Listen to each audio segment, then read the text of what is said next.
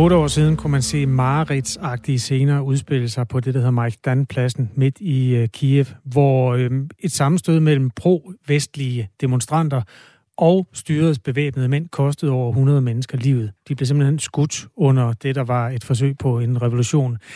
Um, det er otte år siden i dag, og der er jo igen trukket hårde fronter op i Ukraine. Vores reporter Mads Anneberg er på stedet, og om kvarter, 10 minutter der omkring, øh, skal han tale med en af dem, der kæmpede og faktisk blev skudt dengang, om det hele er spildt, hvis Rusland nu angriber landet. Vi skal også tale om øh, nogle andre i folkekirken end lige netop præsterne, fordi nu er der altså flere grupper af ansatte i folkekirken, som gerne vil have mulighed for at vælge hvilser af homoseksuelle fra i deres arbejde. Der er en række øh, organister i den danske folkekirke, der mener, at de skal have den samme valgfrihed, som præsterne har. Det er en historie, vi har øh, ja, rundet her i morgens løb, og den slutter vi altså af med at tale med Erik Kure, som er organist i Sankt Nikolajs Sogn i Vejle, og han vil altså gerne have den samme valgfrihed som øh, præsterne. Vi kan lige høre et øh, klip med ham her. Jeg synes, det er en menneskeret, at man har lov at have et synspunkt. Øh, lige så vel som dem, der har frihed til at blive videt. For mig der er det et spørgsmål om at medvirke til noget, som, som jeg ikke har tro for. Jeg har ikke øh, tro på, at, øh, at jeg giver folk noget godt ved at medvirke til, at det kan, kan gennemføres. Erik Kure, han er organist i Sankt Nikolaj Kirke i Vejle, og ham har vi med direkte klokken kvart i ni. Lige nu er klokken 7 minutter over 8. Du kan skrive til Radio 4 morgen på nummer 1424, hvis du har input, kommentarer eller har fundet en nyhed, vi ikke har set. Skriv til 1424, start beskeden med R4 og et mellemrum. Vi hedder Dagmar Eben Østergaard og Kasper Harbo. Klokken er 7 minutter over 8. I den seneste uge, der har flere norske kvinder, også den tidligere statsminister Erna Solberg, skiftede navn til Arne på LinkedIn. Altså Arne Solberg. Og det gør de for at skifte fokus sætte fokus hedder det på, øh, på ligestilling. Den her Arne-kampagne, som den hedder, den blev startet efter en øh, scene i den norske serie Lykkeland rullede over skærmen på norsk tv. Your applications are perfect. Your grades, well, your grades are unbeatable. The only problem is your name. They see your name and then they just they put it in the no pile. No, I don't think it's that simple. Well, I know they do. Arne is a good Norwegian name. Arne. Arne. Arne Hellebeck, a civil econom of science and business and economics, graduated with two distinctions. I would hire him. I should apply as Arne. Ja, hovedpersonen Anne, hun bliver øh, afvist hver gang hun søger et job i serien Lykkeland. Da hendes mand så overtaler hende til at skifte navnet på ansøgningen til Arne, så får hun pludselig et job med det samme. Og derudover så er der altså øh, flere kvinder, der hedder Arne, blandt de 100 bedst betalte ledere i Norge, end der er kvinder. Det er baggrunden for den her nye Arne-kampagne, der er øh, skudt i gang. Charlotte Kirkegaard er ekspert i ligestilling og direktør i Equality, der yder professionel rådgivning om køn, ledelse og organisation. Godmorgen. Godmorgen. Først og fremmest, øh, hvad er din reaktion på, at den tidligere statsminister i Norge har skiftet sit navn til Arne på LinkedIn? Jamen, der er jo ingen tvivl om, at det, nu bringer I det også, det virker der opsigt, at, øh, at, at, at kvinder tyr til den slags, hvad skal man sige, gimmicks for at skabe opmærksomhed på et problem, som vi har haft længe, og som ikke nærmer sig en løsning. Øh, nemlig, at det er svært for kvinder at nå i ledelse, og særligt topledelse. Og hvad, hvad for en betydning kan sådan en kampagne få? Jamen, det, det vækker jo opmærksomhed på, at, at det her problem stadigvæk ikke er løst. Øh, men man kan også sige, at det, det illustrerer også en afmagtsfølelse, at det er de midler, man tyr til for ligesom at, at vække, øh, og det er jo i virkeligheden mandlige topledere, der skal åbne op for at lukke kvinderne ind. At de ligesom igen bliver mindet om, at øh, det går rigtig, rigtig langsomt på det her område. Hvor i ligger afmagten i kampagnen? Jamen altså, det, man skulle sige, at, at det er jo kvinder, som faktisk selv sidder i, i, i ledelse, øhm, som, som burde fra deres positioner være i stand til også at kunne rykke på de her tal. Øhm, så når selv de går ud og er nødt til at lave, hvad skal man sige, en, en gimmick på det her niveau, øh, for at, at vække opmærksomhed på den her dagsorden, ja, så vil jeg sige, så er det der afmagt, at man ikke kan bruge øh, sin ledelsesposition til at skabe den forandring, der er nødvendig. Ifølge Berlingskes seneste liste over topcheferne. I de 1000 største danske virksomheder, der er der 71 kvindelige administrerende direktører, mens der til sammenligning er 80 chefer, der enten hedder Lars eller Peter. Der er altså flere topchefer, der hedder Lars eller Peter i Danmark, end der er kvindelige administrerende direktører. Er der et lige så stort behov for at skabe det samme fokus på ligestilling i ledelseslagene her i Danmark sammenlignet med Norge? Jamen, det er der. Altså, det er der helt klart. Øhm, og desværre, så kan vi jo se, at øh, tallene for øh, de seneste 10 år er andelen af yngre kvindelige ledere gået tilbage fra, øh, fra 43 procent til 30 procent. Så det går faktisk baglæns. Så jeg, så jeg vil sige, at vi taler ikke om et glasloft her. Vi taler simpelthen om armeret beton. Så Charlotte Kirkegaard, altså ekspert i ligestilling og direktør i Equality, der yder professionel rådgivning om køn, ledelse og organisation. Hvad skal man gøre for at få flippet den udvikling? Jamen, man skal, for det første, så skal man tage den alvorligt. Øhm, og, og lave en, en, en seriøs politik og strategi øh, på, på virksomhedsplan. Det gælder jo også det offentlige, øh, at når vi snakker topledelse, så mangler der kvinder. Men, men det er klart, øh, man kan sige, det offentlige, der har vi, nogle, der har vi en del kvinder at rekruttere fra. Øh, I det private, der skal man også have opbygget et større rekrutteringsgrundlag og få flere kvinder hele vejen op igennem. Og vi har rent faktisk en lovgivning for, at, at alle større virksomheder i Danmark, jeg tror det er de 2400 største virksomheder, de skal faktisk lave en politik for, hvordan de får flere kvinder i ledelse øh, i samtlige ledelseslag herunder direktionen. Og den, den lovgivning bliver, øh, den er ikke, den bliver, altså, man holder ikke øje med, om virksomhederne overholder de her krav. Øhm, og når jeg kan se de politikker, som øh, nogle virksomheder har selvfølgelig lavet, de er simpelthen ikke effektive nok, og vi kan jo se på resultaterne, at de ikke virker. Så man skal styrke den her indsats, og det er jo både ind at kigge på, hvordan rekrutterer man ledere, hvad er det for nogle krav, man stiller til ledere. Og jeg kan se noget af det, som, som jeg ser som et stort problem, det er, at man lægger højere vægt på en, en ledelseserfaring, som går way back, end man ligger på en reel ledelsesuddannelse. Og vi mangler veluddannede ledere på alle niveauer, også i toppen. Charlotte Kirkegaard, tidligere på morgenen belyste vi det her og fik en sms, som der ikke var tid til at læse op på det tidspunkt. Så jeg tager den simpelthen lige frem nu. Den er fra Tommy. Uh, han skriver, hvor mange af de virksomheder, og her refererer han til de 1000 danske virksomheder, hvoraf der kun i 7% af tilfældene var en kvindelig topchef, han spørger, hvor mange af de virksomheder er startet af kvinder, og hvorfor gør de sjældent det, spørger han. Nå, jamen, men det er rigtigt, historisk set har kvinder jo ikke startet særlig mange virksomheder. Man kan sige, at kvinders store indtog på arbejdsmarkedet var jo først op i 50'erne og 60'erne, ellers har kvinder blevet holdt hjemme ved kødgryderne. Øhm, så vi starter på et forskelligt, øh, med et forskelligt afsæt, men man kan sige, at gennem de seneste 50 år har kvinders uddannelsesniveau det er stedet og stedet, og vi ligger faktisk nummer et i verden på at have øh, veluddannede kvinder. Så at man ikke bruger det talent i ledelse øh, og arbejder meget mere professionelt og strategisk med diversitet og inklusion på alle niveauer af ens virksomhed, det mener jeg simpelthen er dårlig ledelse. Man misser ud på de talenter, der er.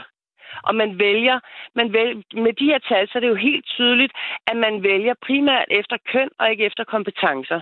Og det er jo virkelig det store problem, at vi ikke bruger de kompetencer og talenter, vi har. Det er jo et spild af rang. Vi har jo øh, i Norge, kigger vi lige mod igen, hvor den tidligere statsminister Erna Solberg har skiftet navn til Arne på LinkedIn. Altså for at sætte fokus på, på ligestilling. Hvad for en effekt tror du, det vil have herhjemme, hvis nu for eksempel øh, jamen, øh, den tidligere statsminister Helle thorning Schmidt ændrede sit navn til, til Lars eller Peter, som er, er genganger blandt de her administrerende direktører i Danmark? Jamen, det kunne da være... Hun, der, der skal nok være en flok, der skal følge trop, før det ligesom får nogen effekt. Øh, jeg ved ikke, om det får stor effekt. Altså, vi, men, men der er jo ingen tvivl om, at vi skal blive ved med at sætte fokus på, at det er et problem. Men man kunne godt ønske sig, at det fra politisk hold blev taget mere alvorligt. At man ligesom gik ind og prøvede at presse virksomhederne øh, til at, at rekruttere fra hele øh, talentpuljen, og ikke kun blandt, hvad hedder de, Lars og Peter. så, øh, så, men jeg tror, at så alle, der ligesom bliver ved med at sætte fokus på den her dagsorden, at det, det er jo vigtigt. Altså, det er jo vigtigt. Så der skal ikke bare være en enkelt frontkvinde, der skal være mange? Ja, det er klart. Det skal være bredere, ikke? Mm. Øhm, og det står ikke ud, men, men, øh, men hun har vel også stadigvæk politisk indflydelse blandt sine fælder. Jeg tænker, det er den vej rundt. Det er politisk indflydelse, der skal bruges til at løfte den her, for virksomheder gør det ikke af sig selv, åbenbart. Sagde Charlotte Kirkegaard. Tak for det. Selv tak. Ekspert i ligestilling og direktør i Equality, der yder professionel rådgivning om køn, ledelse og organisation. Klokken er kvart over otte. Skilsmissen på Radio 4. Far kan en mor og en far godt være kærester. Fuck, mand, ikke? Altså, Hvert andet ægteskab i Danmark går i stykker. Og hvem er man bagefter? Vi taler med 10 kendte danskere om ensomhed, splittede venskaber og om at tage børnene med i faldet. skiftedag, det er noget fanden har skabt. Find Skilsmissen som podcast og søndag kl. 11.05 her på Radio 4. Det var et helvede for mig. Radio 4 taler med Danmark. Klokken er kvart over 8.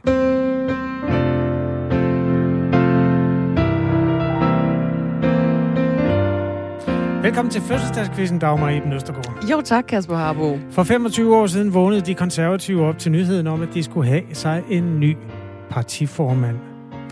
Den hidtidige formand, der ellers så ud til at styre mod et helt fantastisk resultat, han trådte tilbage, fordi han to, år, to dage tidligere havde kørt fuld rundt på Helsingør motorvejen og var knaldet ind i en betonklods. Mm. Hvad hed den fulde formand? Åh oh, ja. Det var da jo et dejligt spørgsmål. Hed han... Øh... Hans Engel? Nej, rigtigt. altså, jeg har spist... Det er rigtigt. Det er rigtigt. Kendt og skattet politisk kommentator. Du får lige et hyggeklip fra News Co. Det er Ja, ikke noget med quizzen at gøre, men det, det var for at fortælle, hvor, hvor folkelig han egentlig er. Her svarer han på, hvor mange faste lavnsboller han har spist for nylig. Nej, altså, jeg har spist tre. Og det er har altså inden, tre. på en dag eller inden for den seneste uge. Inden for siden, i- siden i lørdags. Okay, godt så. De, de, to, øh, de, to, øh, de to af dem høvlede jeg ned øh, i et drøn. Vil du ikke have det ham som statsminister? Jo, det ville jeg kanon gerne. det vil folk også gerne. Det gode svar havde været siden frokost. Tre Ja. ja. faste lavnsboller siden frokost. Nå, men det her det udspillede sig i 97, det med betonklodsen. Og øh, på det tidspunkt, der var, der, der var der altså virkelig vind i sejlene. Nyrup var statsminister for Socialdemokratiet, mm. Men ikke med sådan tilnærmelsesvis den samme folkelige appel som Hans Engel, vil jeg våge at påstå. Nå, han kørte altså ind i en betonklods, og dagen efter bragte TV-avisen det her indslag, spiket af legenden Ben Stugert. Hans Engels dør på Christiansborg var i aften lukket og låst. Engel er taget til sit hjem i Esbjerg og har trukket telefonen ud af stikket efter en fatal brøler. Det var simpelthen det, man kunne dengang, skal jeg lige sige til unge lyttere. Man kunne simpelthen tage sin telefon ud af stikket. og så kunne man ikke ringe til den. Det er Øh, smart. Ja. Det fremgik også af det her indslag, at Hans Eng- Hans Engel selv havde tilbudt at trække sig som partiformand efter at den der bummert. Men der var en grund til, at det ikke skete. Hvorfor skete det ikke? Mm. Der var ikke nogen stærkere alternativer? Det er en mulig øh, bagforklaring, men det var ikke det, der blev sagt. Og det ved jeg ikke. Trods spirituskørsel fortsætter Hans Engel som konservativ partileder. Han tilbød i dag partiets forretningsudvalg og folketingsgruppen at trække sig fra sine poster som partiformand og gruppeformand. Men partiet pressede ham til at blive. De pressede ham til at blive. Ja, bliv for delen. Med Øhm, alle fast lavnsbollerne. Ja, lige præcis. Nå, men det, altså, den er jo lidt urgammel, den her quiz. Den er 25 år gammel, og hvis man var der, kan man huske det, og hvis man var fire år, så er det lidt svært at huske. Jeg, Ja, sige, jeg graver meget dybt i min fireårige hukommelse. ikke desto mindre, så er det jo store personligheder, der er i spil. Også efterfølgeren var faktisk en ret stor personlighed. Er det på en måde stadigvæk? Hvem efterfulgte Hans Engel som formand for det konservative Folkeparti? Kan man høre øh, den der tumbleweed, der bare sådan glider henover? Jeg vil godt give dig nogle muligheder. Jeg vil håndplukke nogle muligheder blandt øh, en hel masse mennesker. Ja. Du må få tre at vælge imellem. Jamen, den vil jeg gerne have. Finn Poulsen, Bent Bensen, Per Stig Møller. Det er Ben Benson. Nej. Per Stig Møller. Det er nemlig rigtigt. Per Stig Møller blev øh, formand. Ja. Og øh, efter... hvor mange faste lavnsboller har han spist? Han, jeg ved ikke, om det var lige var faste lavnsboller, men han havde i hvert fald fået noget at drikke. Øh, han havde også en dom for spirituskørsel, Mm. viste det sig efterfølgende. Han overtog posten som formand for konservativ, og øh, ved det efterfølgende folketingsvalg gik konservativ markant tilbage. Og så var hans tid ligesom slut som formand. Det interessante spørgsmål er, fordi nu går det jo enormt godt for Søren Pape Poulsen. Han er Uh, ja. dybest set her, 25 år senere, er han præcis der, hvor Hans Engel var. Jamen, han har, han har genrejst konservativ jo nærmest, Ja. kan man sige. Det kan man sige. Og det er lidt også med nogle af de samme øh, virkemidler. Altså ved det, at han har den der folkelighed, som nogle politikere aldrig får. Øhm, det, du skal svare på, det er, hvor mange partiformænd har der været i Konservative Folkeparti fra Per Stig Møller stoppet til Søren Pape Poulsen trådte til? Tre. Nej. Fem. Ja, det er faktisk rigtigt. Efter Per Stig Møller kom Paul Andreasen, som nogen måske husker. Jeg gør ikke. Ben Benson øh, kom så. Kan du mm. nævne andre? Kan du flere? Ikke på stående fod. Lene. Espersen. Espersen, rigtigt. Så den, den lidt mindre velbesungne Finn Poulsen. Mm. Og så Søren Pape Poulsens forgænger, som også åbenbart er lidt på glemmebogen, øh, Lars Barfod. Mm. Og nu er det der altså igen, så øh, kør forsigtigt, Søren Pape Poulsen. Det, man kan hurtigt sætte det hele over styr. Ja. Klokken er 21 minutter over 8. Det her det er Radio 4 morgen, du lytter til. I de her dage er det otte år siden, at ukrainerne smed deres pro-russiske præsident på porten og begyndte et nyt kapitel i landets historie. Revolutionen kulminerede mellem den 18. og den 21. februar 2014, hvor der var hårde kampe mellem øh, styret og vestlige demonstranter.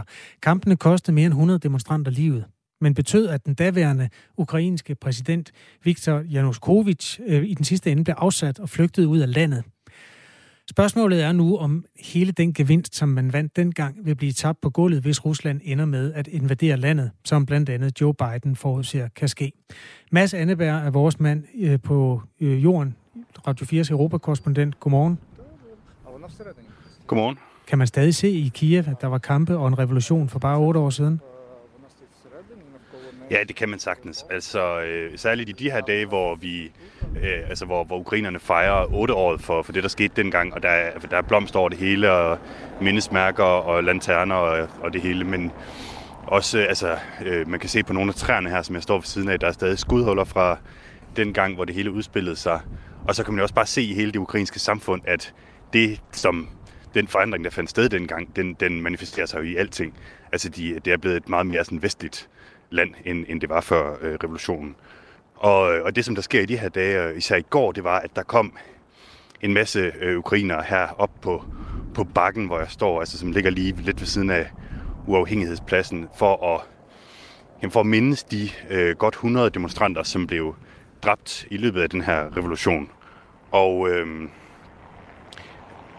hvad kan man sige, det var, det var både børn og voksne, som ligesom var henne og lægge blomster, og, og flere stod sådan, altså, og, og græd, selvom de ikke kendte nogen personligt, fordi det, det, ja, der var sådan en helt vild øh, stemning. Vi kan lige prøve at høre fra en, en kvinde, der hedder Natalia. Because I remember this Maidan all my life. Um, I'm glad uh, that my country is changed after the Maidan. Ja, hun siger, hun kommer til at huske Majdan hele sit liv, og hun er glad for, at hendes øh, land har forandret sig. Du står lige nu, Mads Anneberg, med et, et menneske, der faktisk var med til at skabe den her forandring for otte år siden. Hvem er han? Ja, det gør han. hedder Anatoly Didek, og han var 17 år, gik i sidste år i gymnasiet, dengang det, det skete. Og øh, han, blev, han blev simpelthen skudt. Han var en af de, der blev, blev skudt på af Sikkerhedspolitiet i, i de her sådan, afgørende dage i løbet af revolutionen. Um, Anatoly, thanks for being on Danish radio. Yeah, you're most welcome. Tell me what uh, what happened uh, back then on that day where, where you were here and, and you got shot. Uh, when I got shot, it was a start of peaceful demonstration when a lot of people from this from Maidan Zelensky, from this square, they came during uh, during this street, they came to the, our parliament to say that we need to stop this police brutalities and need we, we need to stop this dictatorship law, law because like on 16 of January our parliament accepted a law that for example if it will be like a gathering of three people it's a crowd and it's forbidden. And or that you are not allowed to wear a helmet in a public. Even it's a bicycle helmet. It's for Denmark it's really important important because you have a lot of bicycles Ja, altså, han fortæller altså, at, at det var i de her dage, hvor, hvor der ligesom var en masse af de her, øh, for det meste fredelige demonstrationer mod øh, styret, og der blev vedtaget alle mulige love, som gjorde for eksempel, at man ikke gå med, med hjelm, heller ikke en, en cykelhjelm, som man siger, det ville nok ikke øh, gå i, i Danmark. Um, just where did you where did you get shot? I was shot in my belly, and it's a real big. It was a, it's what not a big problem because it was head, not heart. But also I still have problem with uh, with eating. I cannot my belly cannot process normal food or that stuff. So it's also trauma. And I was 17 years old. It was my last grade at school, and I even couldn't have couldn't. um have possibility to go to the hospital because when you go to the hospital you will be you would catch by police and go to in prison or in jail and that stuff yes and what I, I just want to add that when this peaceful demonstration started the police they blocked almost all the streets in that crossroads and started to shoot with um, lighting grenade and that stuff and they started to shoot people Vi står til her, han står op og peger og gestikulerer på, på altså det var lige her, det, det skete. Og han fortæller, at han blev, han blev skudt i maven af sikkerhedsstyrkerne, og har stadig sådan lidt, øh, lidt øh, fordøjelsesbesvær den dag i dag. Men, men det, der så var dengang, det var, at han turde ikke tage på hospitalet, fordi at de vidste, at der stod uh, politiet simpelthen og ventede på de her demonstranter, som blev kørt ind. Så i stedet for, så, så tog han hjem, og, og, og så prøvede de at, at gøre det så godt, de kunne der. Øhm, Mads Anneberg, det her med, hvorvidt det hele er tabt på gulvet nu, har, har du talt med ham om det? Jamen, det har jeg. Altså, det, jeg, jeg, jeg vil lige prøve at stille ham spørgsmål nu her. Øhm, det, er jo, øh, det, det er jo et spændende, hvad skal man sige, øh, emne, og jeg, jeg var også på gaden og, øh, og, og spørge en masse folk om det i går. Man kan sige, der var, jeg talte blandt andet med en ung kvinde, som simpelthen var venner med en af de øh, 107 demonstranter, der blev dræbt. Og hun understregede, at det gjorde de alle sammen, at det her betyder jo, at Ukraine på en måde er nødt til at kæmpe for sin frihed en gang til, at den her russiske invasion eller angreb, der, der ligger og, og lurer øh, i, i, i baggrunden. Um, Anatoly, if, if the Russians would attack Ukraine now, has it then all been for nothing? The whole revolution, everything you fight it for? Yes, I will also repeat that we have already been attacked by Russia, occupation of Crimea and occupation of Donbass. So they will continue the uh, attack and war. It will be it. We already have changed our society. These uh, people who have died in uh, in during Maidan Nezalezhnosti, during this revolution of dignity, dignity, also who died in the front line. Ukraine have 16,000 of people who died by Russian troops and also 25,000 of people who were uh, damaged or other stuff, and also almost one min- million of internal displaced people from Crimea and Donbass. Just imagine a quarter of population of Denmark just go, uh, their house are vanished. So our trauma is really big, and people who are now here, they we know what we are fighting. We are fighting for dignity, for freedom, for our independence, and our uh, liberal rights. So I think that it will be this pressure from uh, escalation of this uh, eight years war, it will be just put another, do you know, like when you have coil and uh, coil and you put a lot of pressure, then you will have a diamond. So I think that's the same we have in Ukrainian society now, because people are there, people now they're training, they prepare for for this continuous this invasion. So I cannot say that it will be for nothing. Han mener ikke, det har været forgæves. Han mener allerede, at man kan se alle de her øh, forandringer i samfundet. Han mener i øvrigt også, at det her pres, som ukrainerne øh, står over for lige nu, han sammenligner det med, med kul, der bliver til en diamant. Altså, at når man bliver presset, så, så står man endnu tættere sammen. Så det mener han altså ikke, øh, at, at det ville have været forgæves, hvis, øh, hvis der skulle komme et angreb fra Rusland. Mads Anneberg, bare af nysgerrighed her til sidst. Det, altså, det var jo et... Øh det, det, de scener, der udspillede sig der, blev jo spredt via internettet, og det er jo ekstremt kraftfuldt, når man ser sådan nogle krigshandlinger tæt på. Øhm, jeg må indrømme, jeg var meget sådan selv øh, slået bagover af, hvor, hvor voldsomt det så ud. Hvordan har du mødt ham her, fyren? Hvor, hvor har du fået ham fra? Jeg har, øh, jeg har en, øh, en, en, øh, hvad skal man sige, en lokal, som hjælper mig med at oversætte og, og finde folk, og hun, øh, hun kender ham simpelthen. Altså det er sådan, hvad, hvad kan man sige, et, et, et meget ja, øh, et, et, et tæt netværk af, af folk, som, som var med dengang, og som, som stadigvæk ligesom er, er i kontakt. Okay. Mads Anneberg, altså Europakorrespondent for Radio 4. Tak fordi du var med her direkte fra Kiev. Selv tak.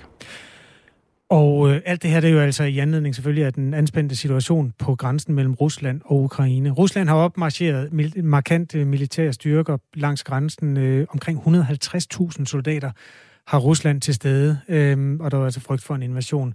Den forsværede øh, situation kommer samtidig med, at regionen er præget af de mest alvorlige spændinger siden den kolde krig. Det er jo altså grunden til, at vi ofte retter blikket, nyhedsblikket mod Ukraine i de her dage på Radio 4.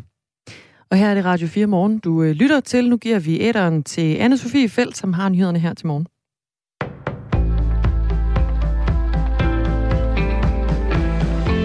Det skal være gratis at køre over Storebæltsbroen. Det er budskabet i et borgerforslag, som nu har fået 50.000 underskrifter, det skriver TV MidtVest. Når et borgerforslag har fået så mange underskrifter, så skal det tages op i Folketinget. Jeg synes, det er fantastisk, at så mange har bakket op om forslaget, siger forslagstiller Bent Todsen til TV Midt Vest. Som det er nu, så koster det 250 kroner at køre over broen i en personbil uden rabat. For første gang nogensinde så får indvandrerkvinder fra ikke-vestlige lande nu 40 færre børn, hedder det i gennemsnit, end danske kvinder. Det skriver Kristi Dagblad. I snit så får indvandrerkvinder 1,76 børn, mens danske kvinder får 1,78 børn. Efterkommere af indvandrere får i snit 1,75 børn. Det viser tal fra Danmarks Statistik. Ifølge avisen så er kurven for ikke-vestlige indvandrerkvinders fertilitet kun gået nedad de seneste seneste 30 år, og det er en naturlig udvikling, siger Annika Leversage, der er seniorforsker ved VIVE, det Nationale Forsknings- og Analysecenter for Velfærd. Det handler ikke nødvendigvis om, at indvandrere får nøjagtigt det samme syn på familien som danskere, men at der er en forventning i samfundet om, at alle skal være på arbejdsmarkedet eller i aktivering, og at det sætter begrænsninger for, hvor mange børn det giver mening at få, siger Annika Levertage til Kristelig Dagblad. Det kan blive et vendepunkt i konflikten om Ukraine, at USA's præsident Joe Biden nu vil mødes med Ruslands præsident Vladimir Putin. Det mener Flemming Splidsbol Hansen, der er seniorforsker ved Dansk Institut for Internationale Studier. For Vladimir Putin der er det nemlig attraktivt at kunne forhandle med Biden som en ligeværdig partner, siger han. Biden har jo betinget sig, at øh, Rusland ikke invaderer Ukraine, og der må vi jo se, om, øh, om det er for meget for Putin at give, men der er ingen tvivl om, at Putin er interesseret i et møde med, med Biden på samme måde, som han gjorde fra i sommer. Natten til i dag blev det oplyst fra det franske præsidentpalads, at de to præsidenter har indgået en principiel aftale om, at de vil mødes for at finde en løsning på konflikten. Inden da, der bliver dagsordenen udarbejdet af den amerikanske udenrigsminister og af Ruslands udenrigsminister på et møde, og det sker torsdag den 24. februar. Og det er altså ikke oplyst, hvornår Biden og Putin skal mødes. Donald Trumps nye app lander på iPhone og Android. De første iPhone-brugere har mandag morgen dansk tid downloadet USA's tidligere præsident Donald Trumps nye app, Truth Social, som er et nyt socialt medie. Det skriver nyhedsbureauet Reuters. Appen er endnu ikke tilgængelig i den danske version af Apples App Store, men brugere med en Android-telefon kan finde den på Google Play, skriver Ritzau. Det sociale medie skal fungere som et slags alternativ til Twitter, som Donald Trump ikke længere kan bruge. En del byer med regn og måske havl i eftermiddag kun få byer og nogen sol, men i de sydvestlige egne, der bliver det altså mere skyde. Temperatur omkring de 5 grader, og så en frisk vind til hård cooling fra omkring vest, med kraftige vindstød, som dog langsomt aftager til jævn til hård vind. På Bornholm der bliver det først på dagen op til stormende cooling med vindstød af stormstyrke. Og i aften og nat der kommer der kun få sludbyer og til dels klart vejr. Temperaturen ned mellem 2 graders frost og 2 graders varme, og så en jævn til hård vind fra nordvest og nord ved kysterne stedvis. Cooling, som aftager til svag til frisk vind. Det her på Radio 4, og nu er der mere Radio 4 morgen til dig.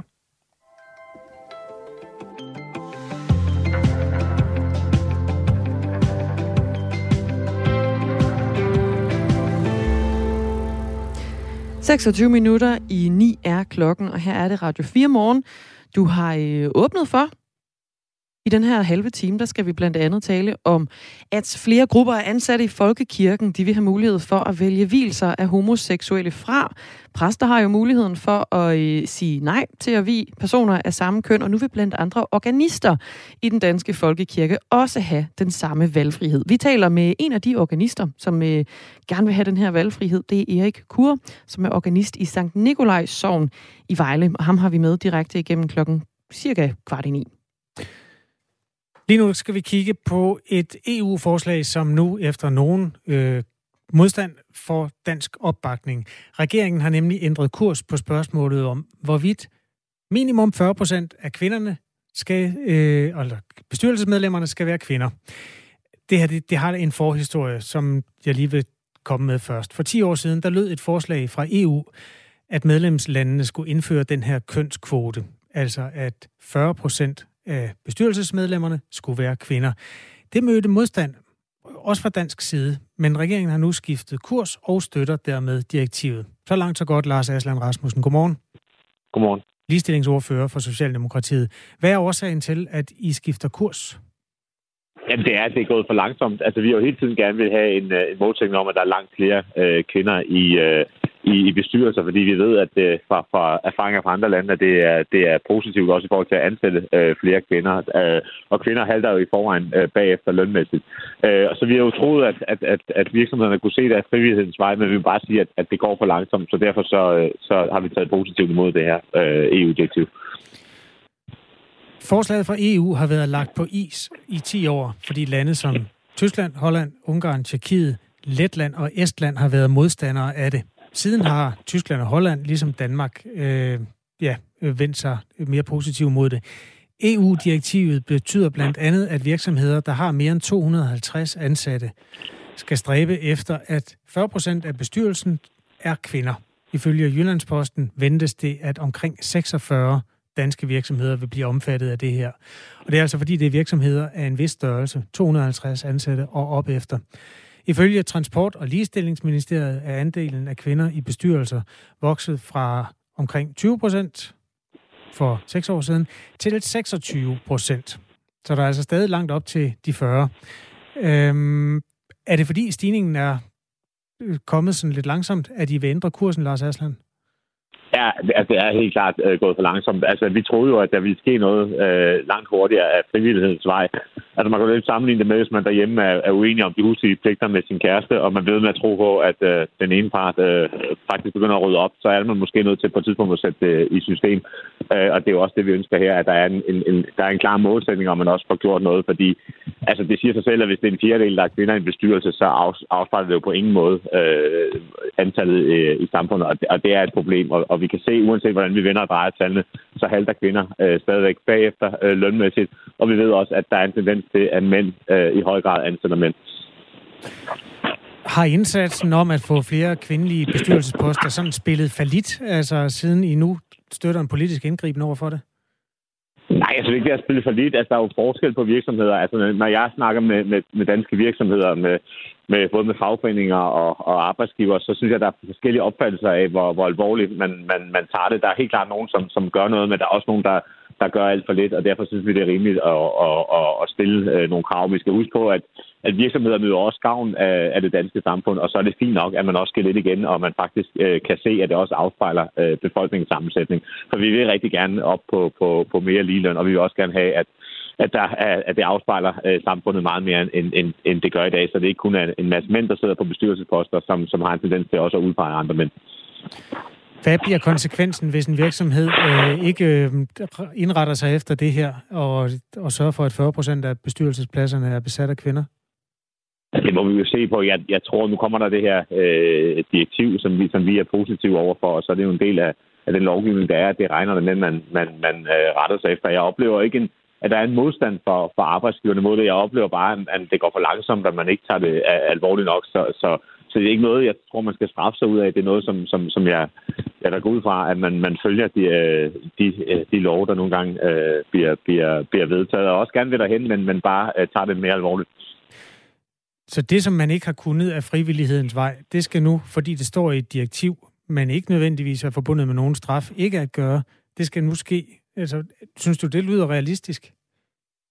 Nej, men det, er jo, det er jo klart, at man er nødt til at overholde den lovgivning, der er. Når jeg siger det, så er det fordi, jeg, jeg, altså, jeg tror, at de fleste virksomheder, jeg tror ikke, vi kommer ud i et problem, hvor vi skal sidde og, og finde på sanktioner mod virksomheder, som er, som er ligeglade. Jeg, jeg har en opfattelse af, at, at der er rigtig mange, øh, der, der tager det alvorligt, men, men der er desværre også nogen, som, hvor, det, hvor det går for langsomt, og derfor er det fair nok at, at sige, at I skal prøve at tilstræbe, at der er øh, 40 procent øh, kvinder i, i jeres bestyrelse. Det er jo stadigvæk, skal vi huske, stadigvæk ikke noget, der afspejler befolkningen. Jeg så gerne, det var øh, kommet tættere på, på, på, på 50 procent, men nu har vi prøvet frivillighedens vej, og som, som I selv øh, redegør for de her tal, så er vi på nogle steder på en femtedel, nogle steder på, på, en, på en fjerdedel. Så, så, så jeg er sikker på, at selvfølgelig overholder virksomheder øh, det her EU-direktiv, som der vil være flertal for i Folketinget.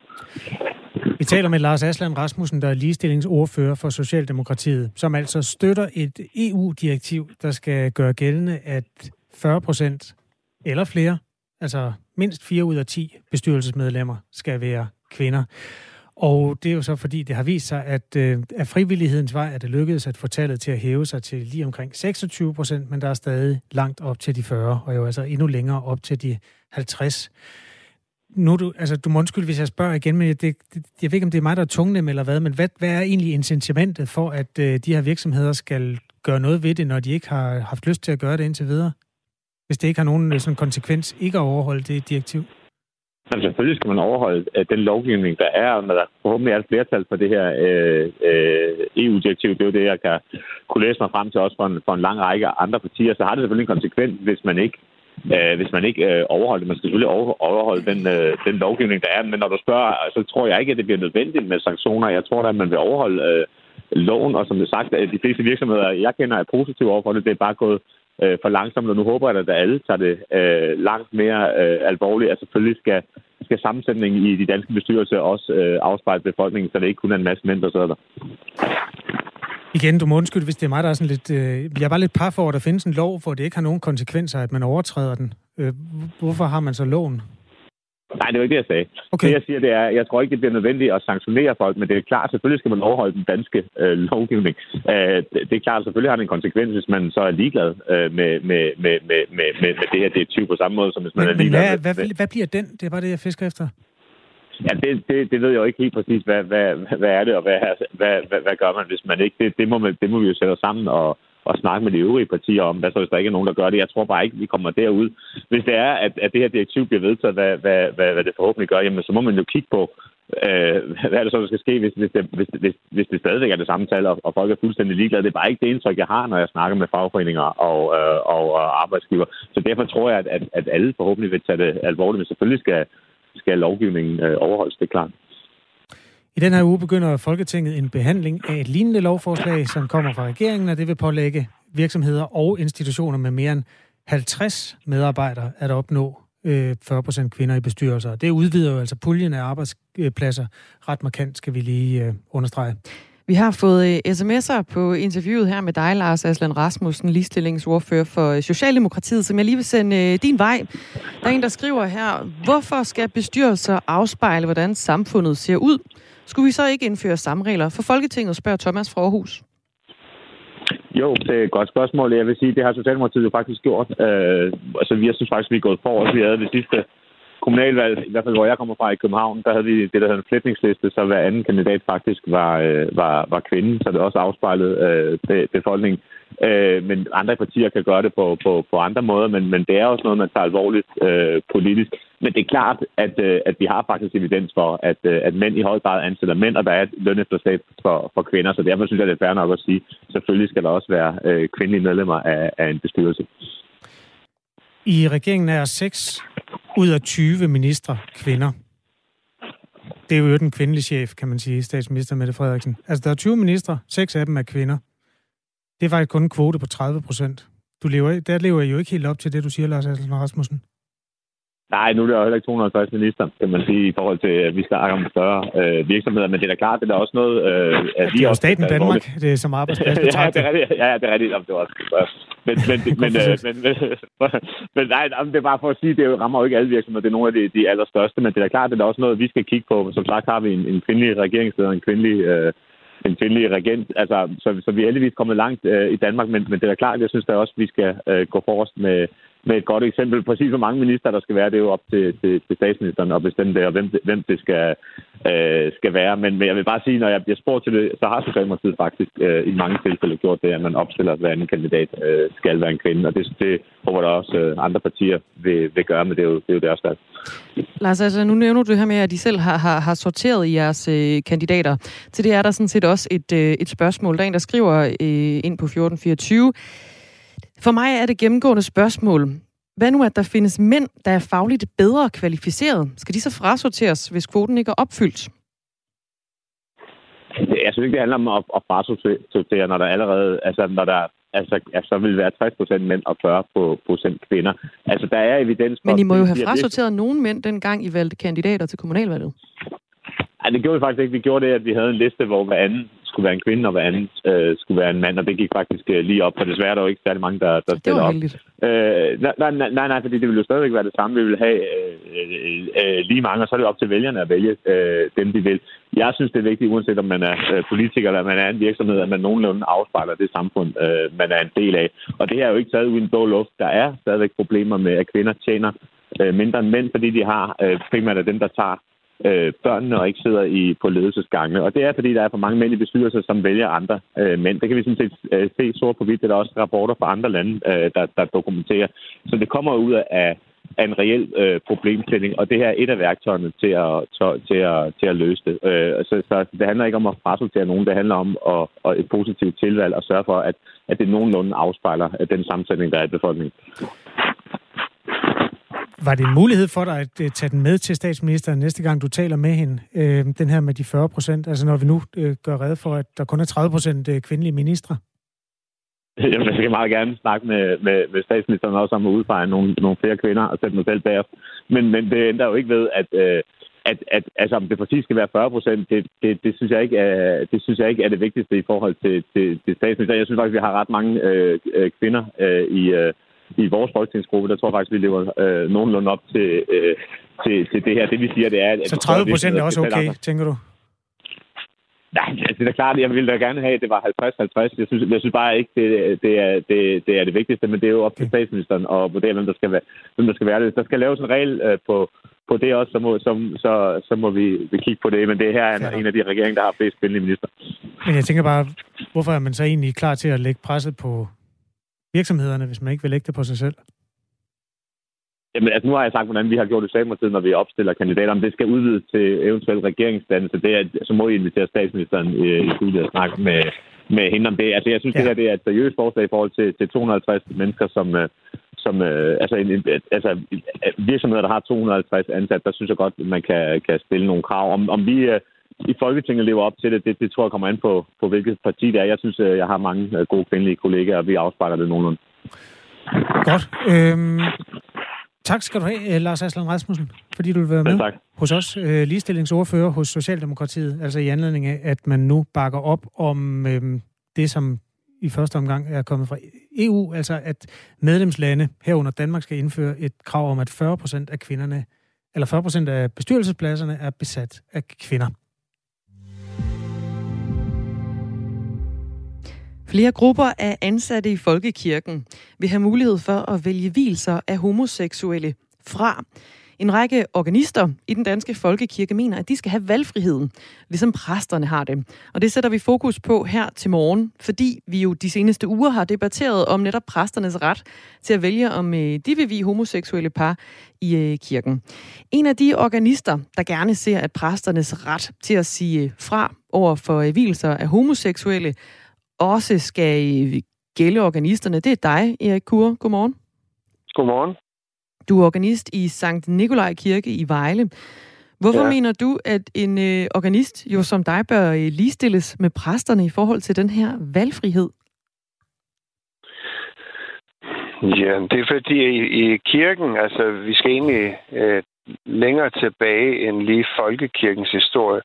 Men kirken, hvor det er jo Jesus, der har sat dagsordenen, øhm, og henviser gang på gang til de bibelske skrifter, det gamle testamente og det nye testamente. Øh, der er der jo lige, øh, lige værd. Altså, man har jo på et tidspunkt øh, i den katolske kirke, der fik man det til at se sådan ud, at præsterne, de var nærmere ved Gud end andre mennesker. Men det er jo ikke sådan, Martin Luther han øh, fik Øh, han, han, øh, han var jo med til den reformation, der skete i 1500-årene. Og han taler jo om en ligestilling over for Gud, og ikke en forskellighed over for Gud. Og det synes jeg er et grundlag for at sige, at der er egentlig ikke forskel på, om man er præst eller organist eller kirketjener, eller hvad det nu kan være. Men er der så man gør, forskel på, om man er heteroseksuel eller homoseksuel, når nu du snakker om lighed? Øh, nej, ikke over for Gud. det er der ikke. Men, men øh, hvis man ser, hvad, hvad Jesus siger, øh, og hvad, øh, hvad Gud har talt til profeter og apostle i, i, den, i de skrifter, som, som Jesus har godkendt, øh, så, så står der jo nogle helt specifikke ting der om de forskellige forhold. Men præsterne, de forkynder jo trods alt Guds ord. Det gør organisten vel ikke, eller hvad, Erik Kur? Men, men det interessante er jo, altså det, jeg mener, du har ret i det, du siger der, men der er jo, der er jo mange, der, der synes, at organisten også forkynder. Men jeg siger, at altså for min egen del mener jeg ikke, at musikken kan tale evangeliet. Øh, jeg kan godt være med til at give det en, en atmosfære, men, men evangeliet er nemlig meget underligt over for den verden, vi lever i, fordi det er nemlig en del ting vendt på hovedet. Altså, der skal man sige helt præcis, hvad det er. Uh, for eksempel, uh, evangeliet er jo, at Jesus døde i stedet for os. Uh, hvor vi mange gange synes, vi skal hjælpe Gud. Men det siger Gud, det skal vi ikke. Jamen, så som Luther han siger så, Gud har ikke brug for vores gode gerninger, men det har vores næste. Altså, de gode gerninger, Gud har brug for, for vores retfærdigheds skyld, og for at vi kan få adgang til hans rige. Det har Jesus gjort. Og det skal vi sådan set holde fingrene fra. Og så skal vi gøre alt, hvad vi kan for at være gode hinanden. Jeg putter lige noget, noget faktor og et tidsperspektiv på det her, Erik Kure, fordi det er øh, 10 år siden præsterne de fik mulighed for den her valgfrihed. Og det gjorde, at de jo så kan takke nej til for eksempel at vi homoseksuelle i kirkerne. Og dengang der skrev øh, i alt 157 præster, provster, menighedsråd, organisationer og privatpersoner til den daværende ligestillings- og kirkeminister Manu Saren fra Radikale Venstre. Og 42 af dem, der skrev under her, det var altså organister i Folkekirken. De ønskede at blive omfattet af den samme valgfrihed, som præsterne fik, men sådan gik det altså aldrig. Ønsket her, det består til gengæld stadigvæk hos flere af dem, altså organisterne. Det bekræfter en række af dem over for os, øh, som dengang skrev under på brevet til ministeren. Det bekræfter de over for os her øh, på Radio 4 morgen. Det er jo øh, øh, helt objektivt en ganske stor forskel på det at stå som præst og vi to mennesker, og så det, øh, du gør, Erik Kur, nemlig at spille musikken til. Vi skal lige høre en gang, hvad lektor i religionssociologi... Ja, undskyld, hvad siger du? Men, men hvor, hvor er forskellen? Jamen, som du jo sådan set øh, er kendt dig enig med, så øh, præsten forkynder Guds ord, og du spiller musikken til og lægger stemningen. Vi skal lige kort høre her, hvad lektor i, øh, i religionssociologi ved Københavns Universitet, Brian Arli Jacobsen, han siger. Grunden til, at man jo har givet præster lov til at kunne afvise, at vi par af samme køn eller fraskilte, øh, er jo netop, at de står for en forkyndelsesvirksomhed i folkekirken, og så har man jo altså accepteret indtil nu, at man af teologiske grunde kan nægte at øh, påtage sig visse opgaver. Men organister eller kordegn eller koret, begravere med videre, de har jo ikke en forkyndelsesvirksomhed. De har jo nogle særlige opgaver, som de er ansat til at løse øh, af folkekirken. Hvorfor er det et problem for dig, Erik Kur, at sidde ved ovlet til for eksempel en hvilse af to kvinder eller, eller to mænd? Altså, jeg mener, at den præmis, som han lægger til grund, øh, øh, som vi lige hørte lige for lidt siden her, øh, den er jeg ikke enig i, fordi jeg mener ikke, at køn evangeliet er mere vigtigt end at, at, at bistå evangeliets forkyndelse. Og jeg bistår det, når jeg spiller til det. Øhm, og jeg har også en teologisk holdning til tingene. Jeg har også stor indsigt i teologi så øh, jeg, jeg mener, vi er jo ikke, øh, vi er jo ikke analfabeter, fordi vi er organister. Altså, vi, vi kan godt forstå, hvad det handler om, og i virkeligheden er vi jo en del af menigheden, og derfor mener jeg, at det er fuldstændig på lige linje med præsterne, specielt i den evangelisk-lutherske kirke. Altså, øh, sagen er jo også den, at på en måde har vores faggrænser jo øh, lavet et arbejde der, så vi synes, vi er forskellige. Men, men overfor Gud er vi ens, og overfor evangelisk forkyndelse er vi ens. Derfor eller ja, er vi ens, og derfor øh, mener jeg simpelthen, at vi står på samme linje. Som reglerne de er i dag, der er det jo øh, kun præsterne, der kan frasige sig og deltage i hvilser af to personer af samme køn. En af grundene til det, det er, at præsterne er ansat af staten. Organister og andre ansatte i folkekirken, de er derimod ansat af menighedsrådene. Og derfor så er de øvrige ansatte ikke omfattet af de samme love og regler, som gælder for præsterne. Religionssociologen Brian Arli Jacobsen, vi også hørt fra lige før, han mener også, at det vil være en glidebane, hvis man udvider den her ret, som præsterne har. Hvis det er, man accepterer, at organister de kan nægte, at øh, eksempelvis vi par af samme køn, teologiske eller ideologiske årsager, ja, hvorfor skulle andre personalegrupper, øh, eksempelvis der offentlige lærere eller læger, øh, sygeplejersker med videre, øh, ikke også kunne nægte at øh, udføre visse opgaver af religiøse eller, eller øh, principielle årsager siger religionssociolog Brian Arl Jacobsen. Og for at blive videt i en folkekirke, så skal mindst en af parterne være medlem af folkekirken. Og det vil også sige, at øh, du jo, Erik Kur, egentlig er ansat af dem, der bliver gift i kirken. Ligegyldigt om det er en mand og en øh, kvinde, eller en mand og en mand, eller en kvinde og en kvinde, der skal giftes. Hvorfor kan du ikke bare kan man sige, knibe ballerne sammen og, og, og gøre det her stykke arbejde, som du er ansat til? Altså to ting. For det første, så er det jo ikke rigtigt, det er blevet en glidebane, fordi det er jo forsvindende få, øh, der faktisk lader sig vi i folkekirken. Øh, og der er masser af organister, der gerne vil gøre det. Så, og, og kirketjener kan det også være. Ikke? Så det er sådan set ikke et reelt problem. Øhm, og så, øh, hvorfor jeg ikke bare kunne gøre det alligevel, jamen det er fordi, at øh, jeg har også en teologisk holdning til tingene. Og, og det er jo sådan, at at kirken er efterhånden, er efterhånden blevet sådan en, en dansk arbejdsplads, ikke også? Men kirken er oprindelig, og det er jo egentlig det, den stadig skal være ifølge den evangelisk lutherske bekendelse, så er den stadig en Guds kirke. Og i Guds kirke er der andre love, end der er i det danske samfund. Øhm, og inden for kirken, øh, man ønsker jo ikke at, at provokere det danske samfund på nogen som helst mm. måde, men kirken har bare nogle andre værdier. Og det er det, der gør, at der man er ens der. Det er også derfor, Men der er du er andre ansat af dem, der bliver, der bliver gift i kirken. Uanset om det er jamen, øh, et heteropar eller et homopar, hvorfor vil du så øh, nægte at, at deltage i, i de personer, der er øh, skal homovis, når nu du ansætter dem jo? Øhm, ja, altså... Jo, men så bliver det jo et spørgsmål om, så, så må man jo se, om, om, om det, det må andre jo sige noget om. Altså, jeg synes, det er rimeligt, at man kan blive fritaget for ting øh, af det her, den her karakter. Og jeg vil sige, at det er en meget, meget lille procentdel af eksemplerne. Øh, altså, det er jo ikke noget, der vælter som lavine ud over det hele. Det er jo en meget lille procentdel af tilfældene, det her gælder. Så jeg, jeg, jeg er ikke enig i, at jeg burde gøre det. Altså, fordi Men det, det, siger, at den, ansat, den overenskomst, du er ansat under, tilsiger, at du som udgangspunkt skal udføre dit arbejde, uanset men, men jeg mener, den, jeg mener, den overenskomst er forkert, fordi den bliver presset ned over hovedet på en organisation eller en, en bevægelse, en åndelig bevægelse, der er kirken. Uh, det er kirken jo ikke kirkebygninger, det er jo de mennesker, der samles. Dem, der har tro på, på Bibelens ord, på Guds ord, uh, de kan godt se de her ting. Uh, men der er jo mange, der, der ikke regner det for noget, og der kan jeg godt forstå det svært at stille. Men, men din religiøse overbevisning, hvorfor skal den trumfe den overenskomst, du er ansat under? Men jeg vil sige, hvem er chefen i kirken?